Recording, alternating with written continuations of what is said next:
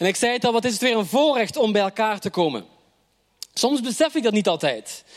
Het gevaar ligt soms op de loer dat we een beetje vergeten wat echt belangrijk is. Of misschien zelfs dat we vergeten wie echt belangrijk is. En ik kan me zo voorstellen dat we deze dagen in onze gesprekken, in onze gedachten,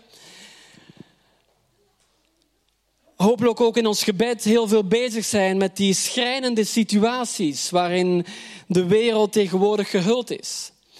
Die vreselijke oorlog die woedt tussen Rusland en de Oekraïne. Die oorlog waarvan we ons vragen stellen als, ja, had dit wel moeten gebeuren en waarom toch? En dan zingen we inderdaad een lied over Gods liefde en trouw die ons nooit verlaten. En dan kunnen we ons vragen stellen als, hoe dan Heer? Als uw liefde en trouw ons nooit verlaten, hoe dan Heer? Hoe kunnen zoveel mensen uw hoop zien die op dit moment zoveel hopeloosheid ervaren? Maar gelukkig merken we ook in deze dagen, in deze tijd, dat er heel veel hoopvolle berichten naar ons toe komen. Lichtpuntjes in deze wereld waar zoveel duisternis is. Ingeborg en ik werken voor Jeugd met een Opdracht, zoals u wellicht wel weet. En onze organisatie, onze zendingsorganisatie, heeft ook heel veel centra zitten, heel veel basissen zitten, zo noemen dat, in Oekraïne. En iedere dag krijg je verslagen en heb gesprekken met mensen. En um, in die verslagen dan zou ik denken dat de mensen zich daar misschien ook wel verslagen zouden voelen. Of dat ze in angst zouden leven. Maar wat we merken is dat de geest in hun ontzettend krachtig is. En dat ze er enorm voor gaan om hoop en licht te brengen in die donkere dagen in Oekraïne.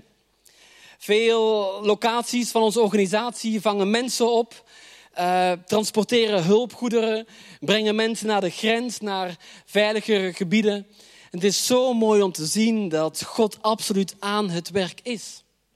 Misschien heeft u het ook gezien op social media. Er bereiken ons ook heel veel berichten van gelovigen die samenkomen onder bruggen, in schuilkelders, onder viaducten, om samen in eenheid met elkaar verbonden de naam van Jezus te loven en te prijzen. Die samenkomen om te bidden voor hun land, om te bidden voor hun stad, om te bidden voor hun leiders, om te bidden voor hun tegenstanders. Er gaat zoveel hoop vanuit. Het deed me denken aan een moment een heel wat jaren geleden waarop Ingeborg en ik in China waren. We zijn vaker in China geweest. En de eerste keer dat we daar waren was, net zoals eh, Kim net haar DTS heeft afgerond, waren ook Ingeborg en ik studenten in een DTS. En we gingen op reis, zoals Kim dat heeft gedaan, naar Jordanië, gingen wij op reis naar China. En op een gegeven moment bezochten we een kerk, een, hele grote kerk in het midden van Beijing, Peking, de hoofdstad. Er was een kerkgebouw, die, of een kerk die samenkwam in een heel groot auditorium. En binnen in die kerk was er heel veel vrijheid om God te aanbidden. Maar voor je in die vrijheid kon stappen, eh, zaten er wel enkele randvoorwaarden aan. Er vond een controle bij de deur plaats. Die term kennen we, controle bij de deur. Ook daar in die kerk vond een controle plaats. Een letterlijke paspoortcontrole. Dit was in het centrum van Peking en iedereen die die kerk binnenging moest zijn paspoort laten zien. Alleen maar mensen met een buitenlands paspoort mochten namelijk in die kerk komen. Dat was niet de regel van de kerk, maar uiteraard van de overheid. In een land waar er nog steeds geen christenvrijheid was en is. Geen enkele lokale Chinese persoon mocht naar die kerk komen. Allerlei toeristen kwamen daarheen en expats, businessmensen, ook ambassadepersoneel hebben daar ontmoet, die binnen in die kerkgebouwen als westerse mensen, als buitenlanders, in volle vrijheid God konden aanbidden. Een week later bezocht ik een andere kerkdienst. Deze keer kregen we geen adres, maar er werd afgesproken op een pleintje ergens in de stad. En ook daar vond toen een controle plaats, maar die zag er iets anders uit. Er werd ons gevraagd of we niet waren gevolgd door andere mensen. Er werd ons gevraagd of we onze mobiele telefoons konden uitzetten en of we de simkaarten uit onze telefoons konden halen. Daarna splitsten we op in kleine groepjes en gingen we naar een heel groot flatgebouw. En toen we daar aankwamen, werd ons aangemaand om heel stil en rustig ons in het flatgebouw te begeven. Uiteindelijk werd er geklopt op een deur van een bepaalde flat en gingen ook wij achter onze contactpersoon aan dat flat of dat appartementje binnen. En wat ik daar zag, heeft, kan ik wel zeggen, mijn leven veranderd.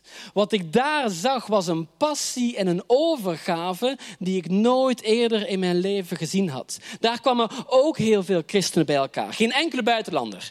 Ik denk dat ik en de anderen die met mijn team mee waren de enige buitenlanders waren. Voor de rest alleen maar lokale christenen. Maar zij mochten niet samenkomen van de Chinese overheid. Zij leefden onder dat juk waar geen christenvrijheid is. Maar toch zag ik een overgave en een passie om bij elkaar te komen. Een verlangen om bij elkaar te komen. En om samen God te aanbidden. En om samen te bidden zoals ik dat nooit eerder gezien had. Dat vulde mij met een ontzettend enthousiasme, maar ook met een ontzettend groot geloof. Want het geloof wat ik in dat kleine appartementje zag bij zoveel mensen was ontzettend indrukwekkend. En geloof, daar heb ik de afgelopen keren toen ik bij jullie in de gemeente was vaker over gehad.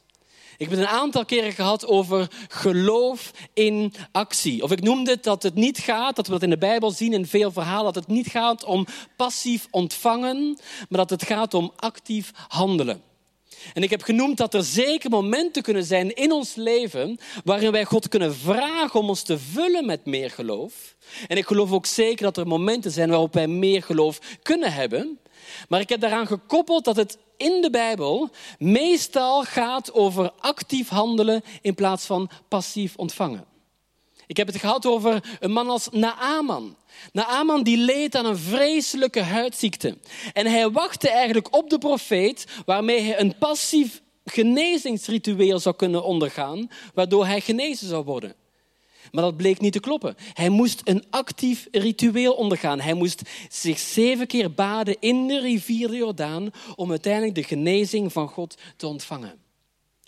Een keertje later heb ik het gehad over Jozua, die samen met het volk van Israël het beloofde land zou gaan innemen. En voor hij dat kon doen, moesten ze de rivier de Jordaan overtrekken.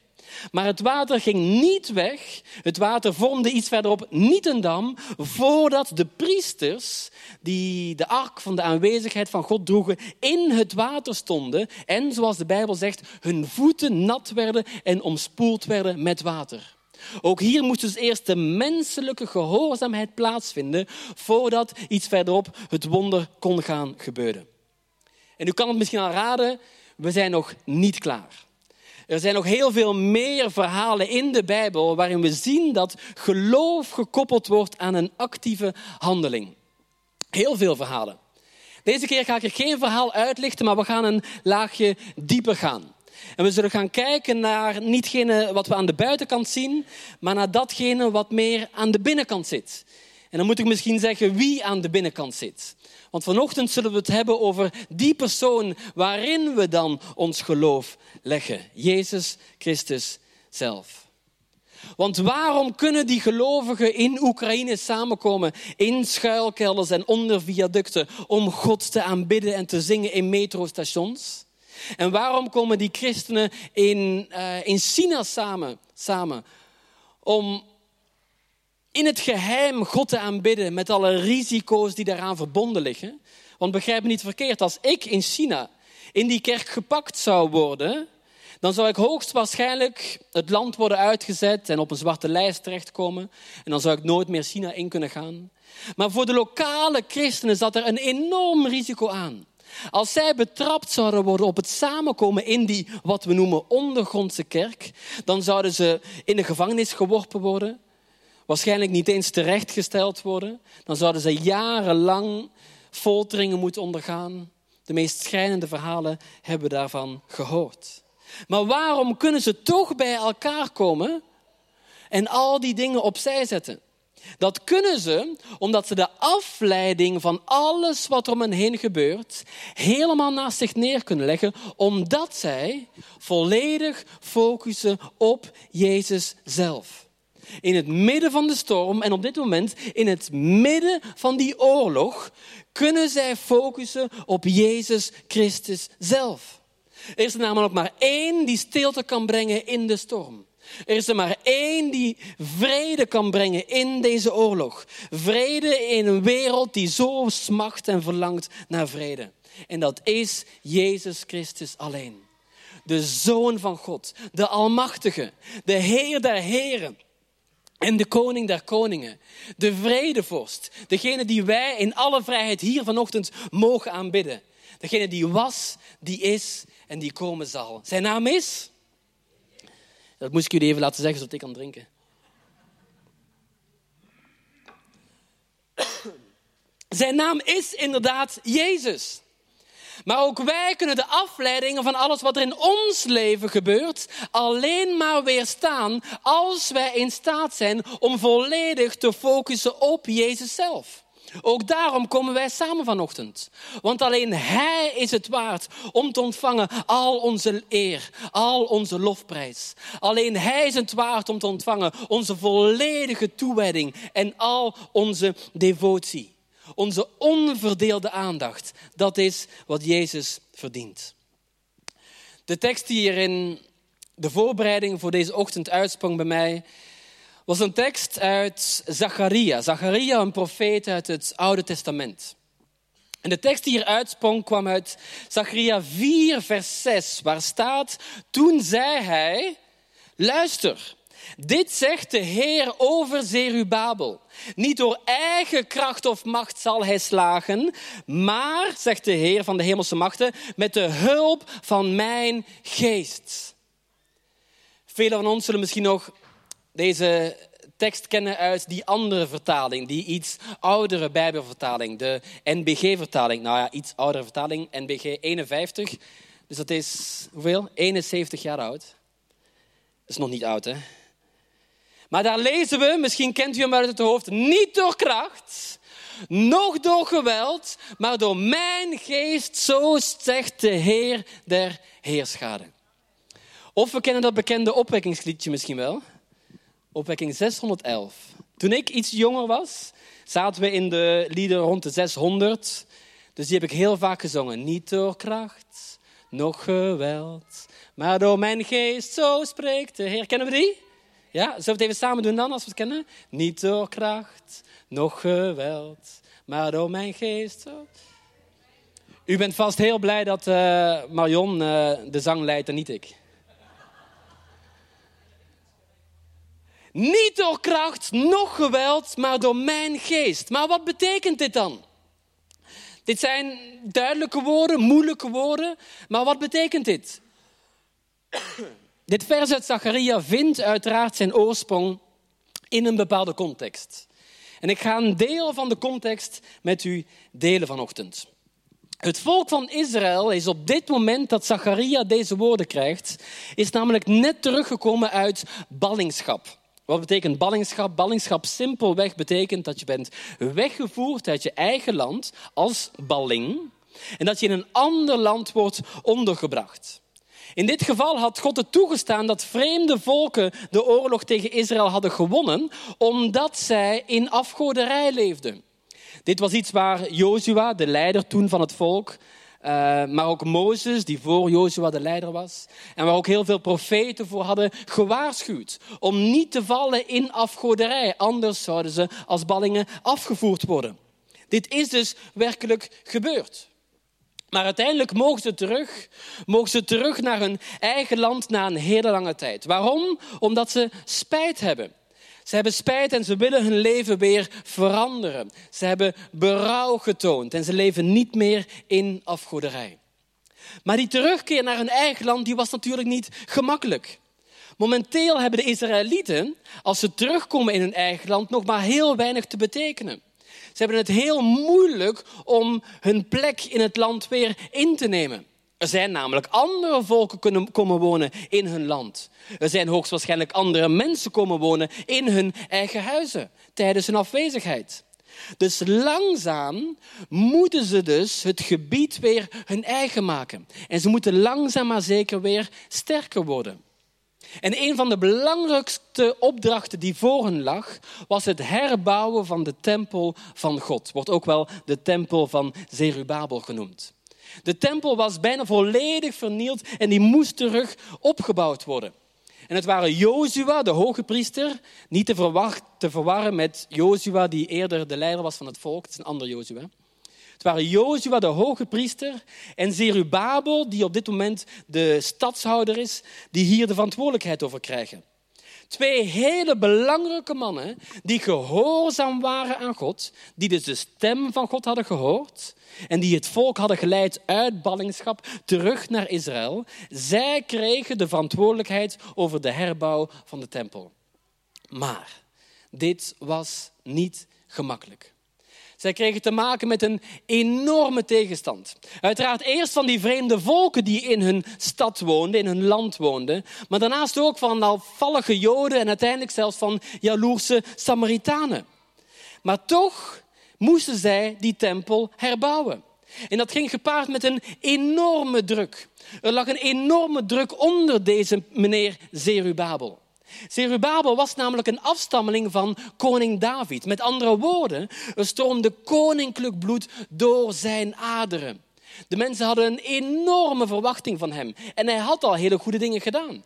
Zoals ik al zei, samen met Jozua heeft hij 55.000 ballingen teruggebracht naar Israël, terug naar het beloofde land. Maar uiteindelijk komt het volk in opstand en willen ze een andere leider. En dit is het moment waarop Zerubabel er misschien wel letterlijk het bijltje bij neerlegt. Jozua en Zerubabel waren moe van de strijd. Ze waren moe van het continue verzet en van alle tegenwerkingen en bespottingen. Ze konden niet meer en ze wilden niet meer.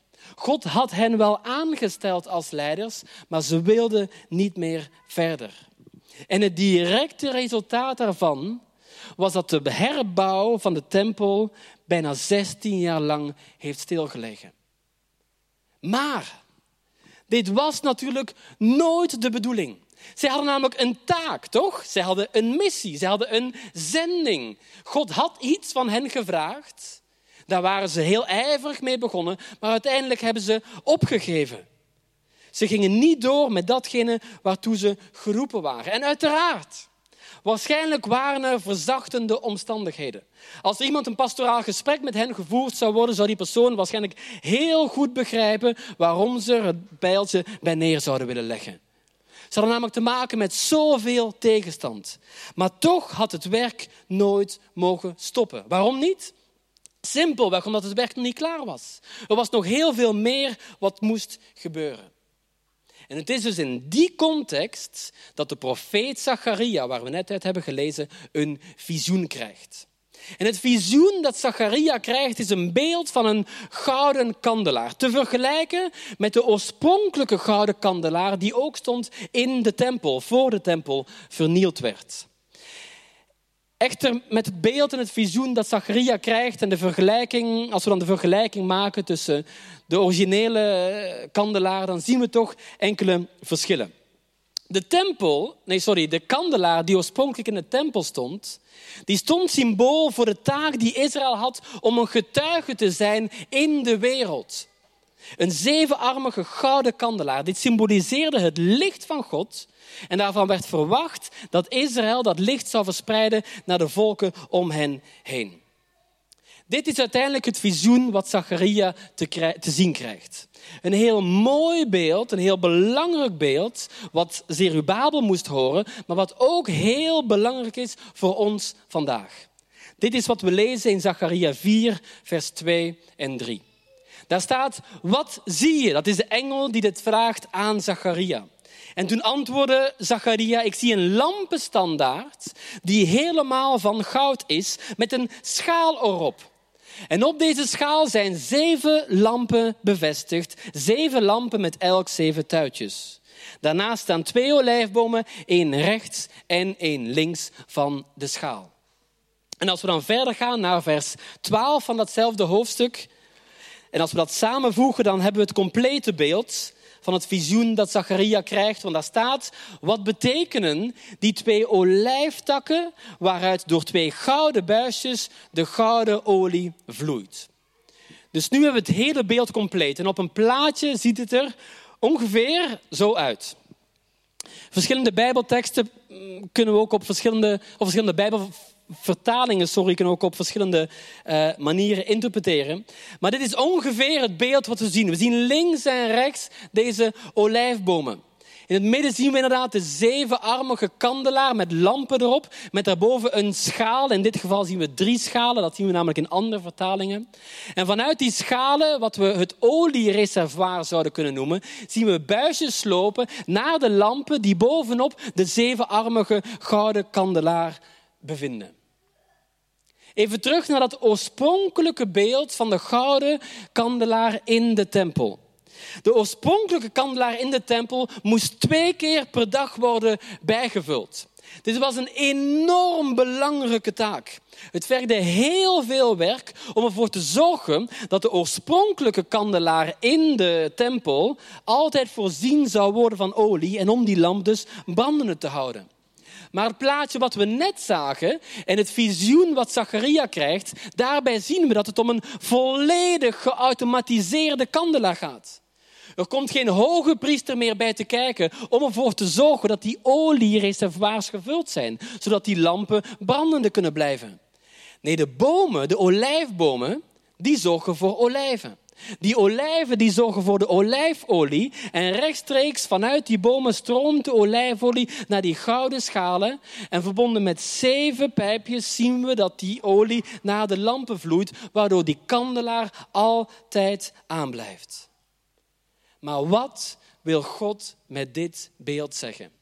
Wat wil hij zeggen eh, tegen Zerubabel door Zacharia? Maar ook wat wil hij met dit beeld zeggen tegen ons vanochtend? En zo komen we bij vers 6. Want Zacharia begrijpt het namelijk ook niet helemaal. En hij stelt de engel uiteindelijk een vraag.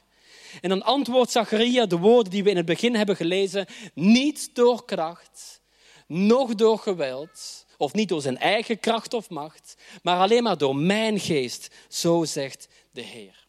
Met andere woorden, het werk dat Zerubabel moet doen, gebeurt niet door Zerubabel zelf, maar dat gebeurt door God in hem. Dat gebeurt door de Heilige Geest in hem.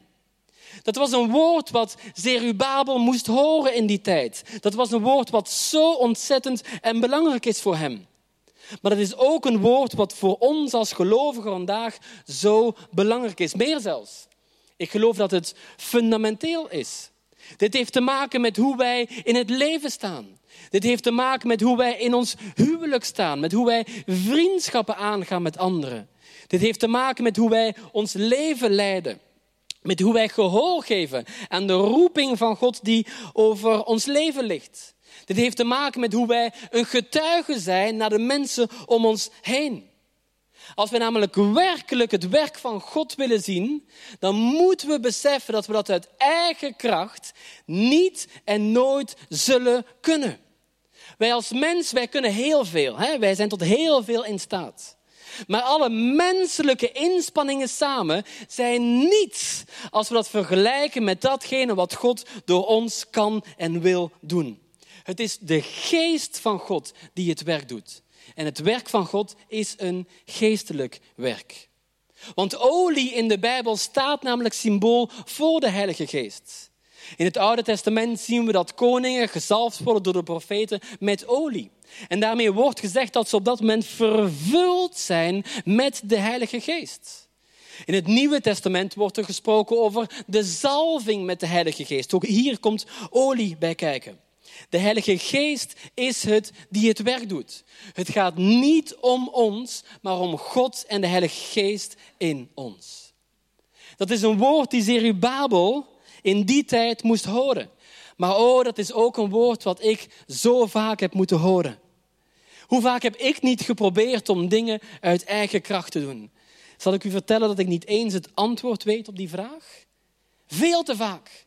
Veel te vaak heb ik geprobeerd om dingen uit eigen kracht te doen. Maar ik heb ook heel vaak voor situaties gestaan waarvan ik dacht: Heer, als u dit niet doet, dan weet ik zeker dat het mij nooit zal slagen. Ik heb u hierbij nodig, want ditgene wat u nu van mij vraagt, dit kan ik uit eigen kracht niet. Hoe moet ik hier ooit aan beginnen? Hoe kan ik een getuige zijn voor de wereld om mij heen zonder de Heilige Geest in mij? Hoe kan ik Jezus volgen uit eigen kracht zonder de Heilige Geest in mij? Hoe kan ik een echtgenoot zijn voor mijn vrouw, net zoals Christus er is voor zijn gemeente, zonder de Heilige Geest in mij? Weet u, wij leven in een tijd momenteel waarin alles weer heropgebouwd moet worden. Misschien wel net zoals die tempel toen in de tijd van Zerubabel, die weer heropgebouwd moest worden. De afgelopen twee jaar zag het leven er namelijk zo anders uit. Het is op dit moment maart 2022. Precies twee jaar geleden kregen we te maken met die eerste maatregelen en met die eerste beperkingen rondom het coronavirus. Precies twee jaar geleden werd ons verteld dat we geen handen meer mochten schudden en dat we onze handen moesten wassen en dat we niet meer bij elkaar mochten samenkomen. En dat we ook als kerk niet meer konden samenkomen. Dat we maar met twee mensen bij elkaar op bezoek konden komen. Er zijn zelfs momenten geweest dat we dat nog met minder mochten. Ook de gemeente wereldwijd en lokaal werd geschud. En nu leven we in een tijd, net zoals die tempel weer heropgebouwd moest worden, dat ook de gemeente van Jezus Christus wereldwijd en lokaal weer heropgebouwd mogen worden. Maar dan is hier de bemoediging. Niet door kracht, noch door geweld, maar alleen maar door mijn geest. Zo spreekt de Heer. Maar dit is niet alleen maar een bemoediging. Dit is ook een roep van God naar Zerubabel. Een roep van God naar Zerubabel om te blijven kijken naar Hem. Om te blijven kijken naar de Almachtige God in Hem. En dat is ook een roep van God voor ons vanochtend. Vergeet mij niet, zegt God. Ik ben het die aan het werk is in deze wereld. Ik ben het die aan het werk is in jou en ik ben het die aan het werk wil zijn in jou. Want wat geweldig was het om jouw getuigenis te horen, Kim. Je hebt gehoor gegeven aan die roepstem van God om jouw DTS te gaan doen. En uiteindelijk, je hebt geweldige dingen geleerd over God die een rechtvaardig God is in de lesfase dan ben je erop uitgegaan in Londen, in Jordanië, om echt een getuige te zijn van wie Jezus is. En wat geweldig ook, Marianne, om jouw verhaal te horen. Ik ben altijd fan van jou als je in India bent, volg ik je helemaal op Facebook. En ik vind het zo mooi om te zien de passie, de liefde die je hebt voor het volk daar. En hoe je daar heel letterlijk handen en voet aan geeft. En hoe je daarmee het licht van Jezus laat schijnen naar diegenen die gehuld zijn in duisternis. En ook hier weer niet haar eigen licht of haar eigen lamp. Nee, het licht en de lamp van Jezus in haar. Een mooie getuigenis, twee mooie getuigenissen. Van geweldige mensen die net zijn als die gouden kandelaar. Verbonden met die olijfboom. Eén links en één rechts. En gevoed worden rechtstreeks door die olie die de Heilige Geest is. Die olie van God. En daarmee zijn ze in staat om dat licht uit te delen. Dat licht uit te delen aan een wereld die in nood is. Want ik hoef het u niet te vertellen, lieve mensen, maar deze wereld is in nood. En deze wereld heeft hoop en licht nodig. Afgelopen vrijdag kreeg ik het nieuws van ehm, een paar leiders van onze organisatie in Oekraïne. En ze hadden met geld wat deze week is opgehaald uh, drie auto's kunnen kopen. En met die auto's konden ze het land doorrijden om hulpgoederen te transporteren, om voedsel te brengen naar mensen, maar vooral ook, daar werden de auto's vooral voor gebruikt, om mensen die dat nodig hadden naar de grens te brengen. Om uiteindelijk ervoor te kunnen zorgen dat ze uit dat oorlogsgebied waren. En de bestuurders van die auto's, meestal jongens van ongeveer 20 jaar oud, tegen hen werd op een avond gezegd: Het is genoeg geweest voor vandaag, jullie moeten rusten. Maar twee van die jongens zeiden: Nee, dat kunnen we niet. Want er zijn nog zoveel mensen die gered moeten worden. Nog één ritje doen we vanavond. Met gevaar voor eigen leven gingen ze erop uit. Ze konden gecheckt worden bij checkpoints. Ze konden opgepakt worden door Russische militairen. Maar we zeiden, we gaan. Nog één ritje, want er moeten mensen gered worden. Een van de leiders van ons centrum in Ternopil, dat is een stad die ligt in het westen van Oekraïne, kreeg ook afgelopen vrijdag een telefoontje. Een telefoontje van andere leiders van de jeugd met een opdrachtcentrum heel dicht bij Kiev. En daar hebben ze een materniteit. Hè? Wat is dat? Dat is een plek waar baby's geboren worden. En het dorpje net naast Kiev was op dat moment gebombardeerd. En ze zeiden, we hebben niets meer, we hebben geen voorzieningen meer.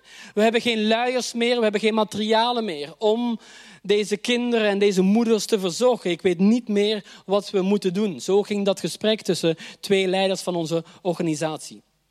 En die ene leider die dus aan de ontvangende kant zat van het telefoongesprek, die gaat na dat telefoongesprek naar buiten. En hij staat voor de jeugd met een opdrachtlocatie en hij begint te bidden. Hoe moet dit, Heer?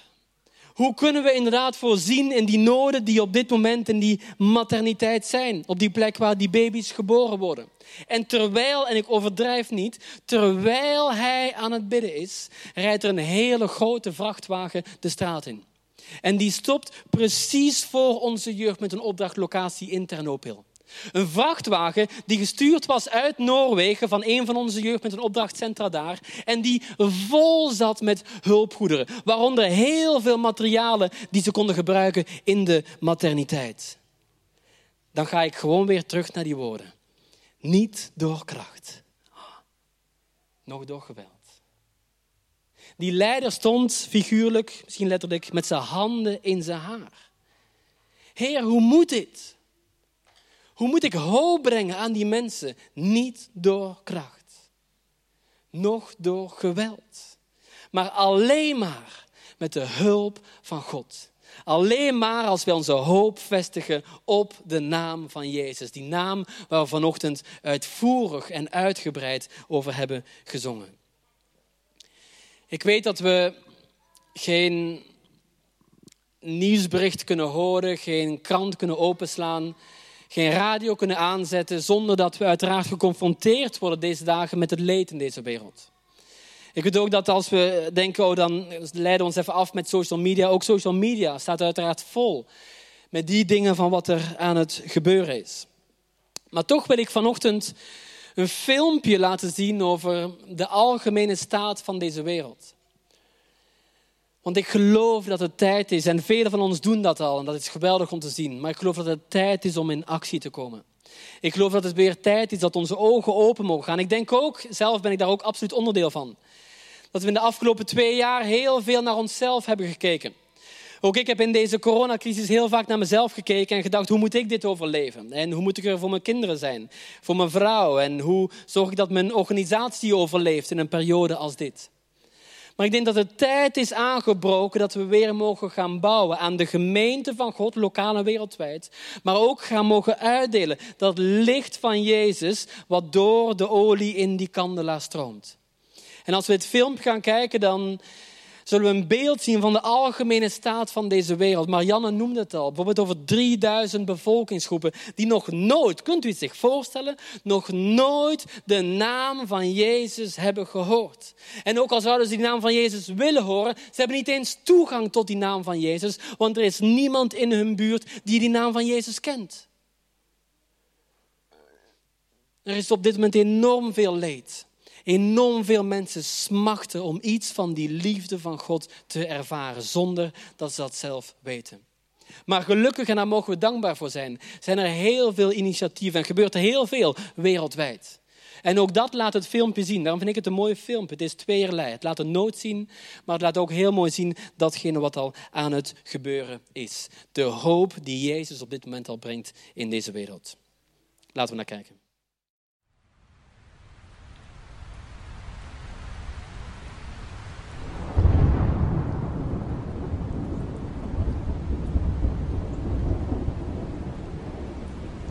The job is not done in the world that Christ gave us to do, and the mandate is still binding on us today. That's why we speak of unreached people groups. But the missions is the back-breaking, culture-penetrating, darkness-shattering initial work to penetrate, plant the church, see it flourish, get its own elders, train its own people, evangelize its own networks. That's the task of missions. It's not over. And that Jesus Christ is the only way to heaven. And the alternative is hell. And millions and millions and millions of people are on their way there, and we have the only means of escape in our heads and in our hearts Jesus Christ. There are many prodigal sons on our city streets they run searching for shelter.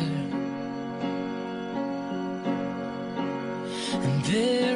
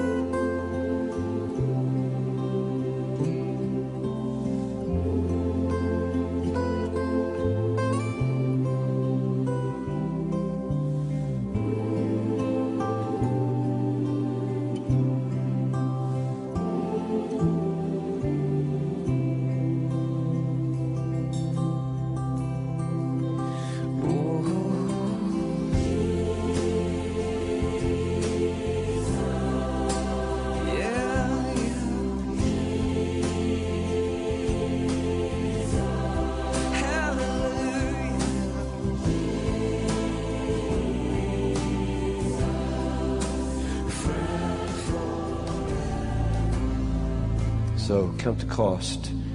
Brothers and sisters, this is not an invitation to an easy life.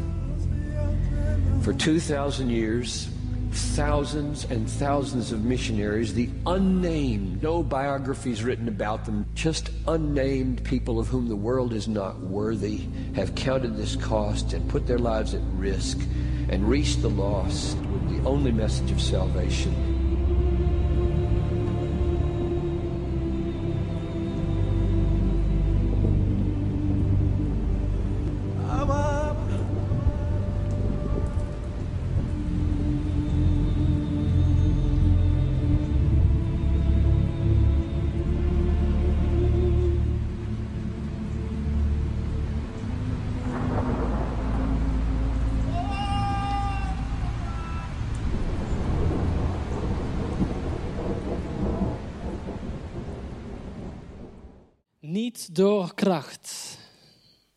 door geweld, maar alleen maar door mijn geest, zo spreekt de Heer. Het filmpje begon met die man die zei dat, er, dat Jezus een God van liefde is en dat het andere alternatief, het enige andere alternatief, de hel is. En dat er miljoenen en miljoenen en miljoenen mensen daarnaar op weg zijn. Maar toen zei hij dit, hij zei en wij als mensen hebben de enige manier van ontsnappen in onze handen en in onze harten. En dat is Jezus Christus. En we zagen net op het einde een quote van William Wilberforce, een bekend Brits politici, politicus uit de jaren 1800. Iemand die enorm opstond tegen slavenhandel. En hij zei, ik ben zijn quote kwijt.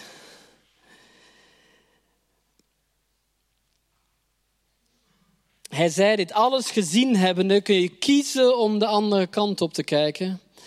Maar je kan nooit meer zeggen dat je het niet hebt geweten. Ik geloof dat het een tijd is om in actie te komen. Een tijd is om op te staan. Om hoop te brengen. Om liefde te brengen. Vooral om het licht van Jezus te brengen in deze wereld die op dit moment zijn licht zo hard nodig heeft. Zullen we gaan staan als gemeente samen? En ik ga ons voorgaan in gebed. En in dit gebed wil ik u uitnodigen en ook uitdagen om volledig te focussen op God. Volledig te focussen op de Heilige Geest in ons. Niet door kracht, nog door geweld, maar alleen maar door mijn geest, zo spreekt de Heer. We hebben deze week de informeel gezien met enorm veel initiatieven die er ook lokaal plaatsvinden die hulp bieden aan Oekraïne. Ook hebben we net Christian gehoord. Er zijn heel veel mogelijkheden om betrokken te zijn. En ik heb het idee dat God zegt dat Hij nog meer wil doen. Misschien wel door u persoonlijk heen. En dan denkt u misschien, maar hoe dan? Dan heb ik alleen maar deze woorden. Niet door kracht. Niet door ons eigen kunnen. Niet door onze eigen kunnen, want dan worden we enorm beperkt. Dan worden we beperkt door onze angsten, door onze onzekerheden, door onze twijfels. Dan durven we niet meer uit te stappen, maar dan kijken we alleen maar naar het kruis. En door de uitstorting van de Heilige Geest, die is uitgestort op alle vlees. En door het wonder van Jezus aan het kruis, mogen wij bij de Vader komen. En mogen wij een getuige zijn van het licht van Jezus in deze wereld. Laten we een moment stil zijn. En laten we de Heilige Geest toestaan om op dit moment tot ons te spreken. Over datgene wat wij mogen doen. Om gehoor te geven aan die roep van Hem.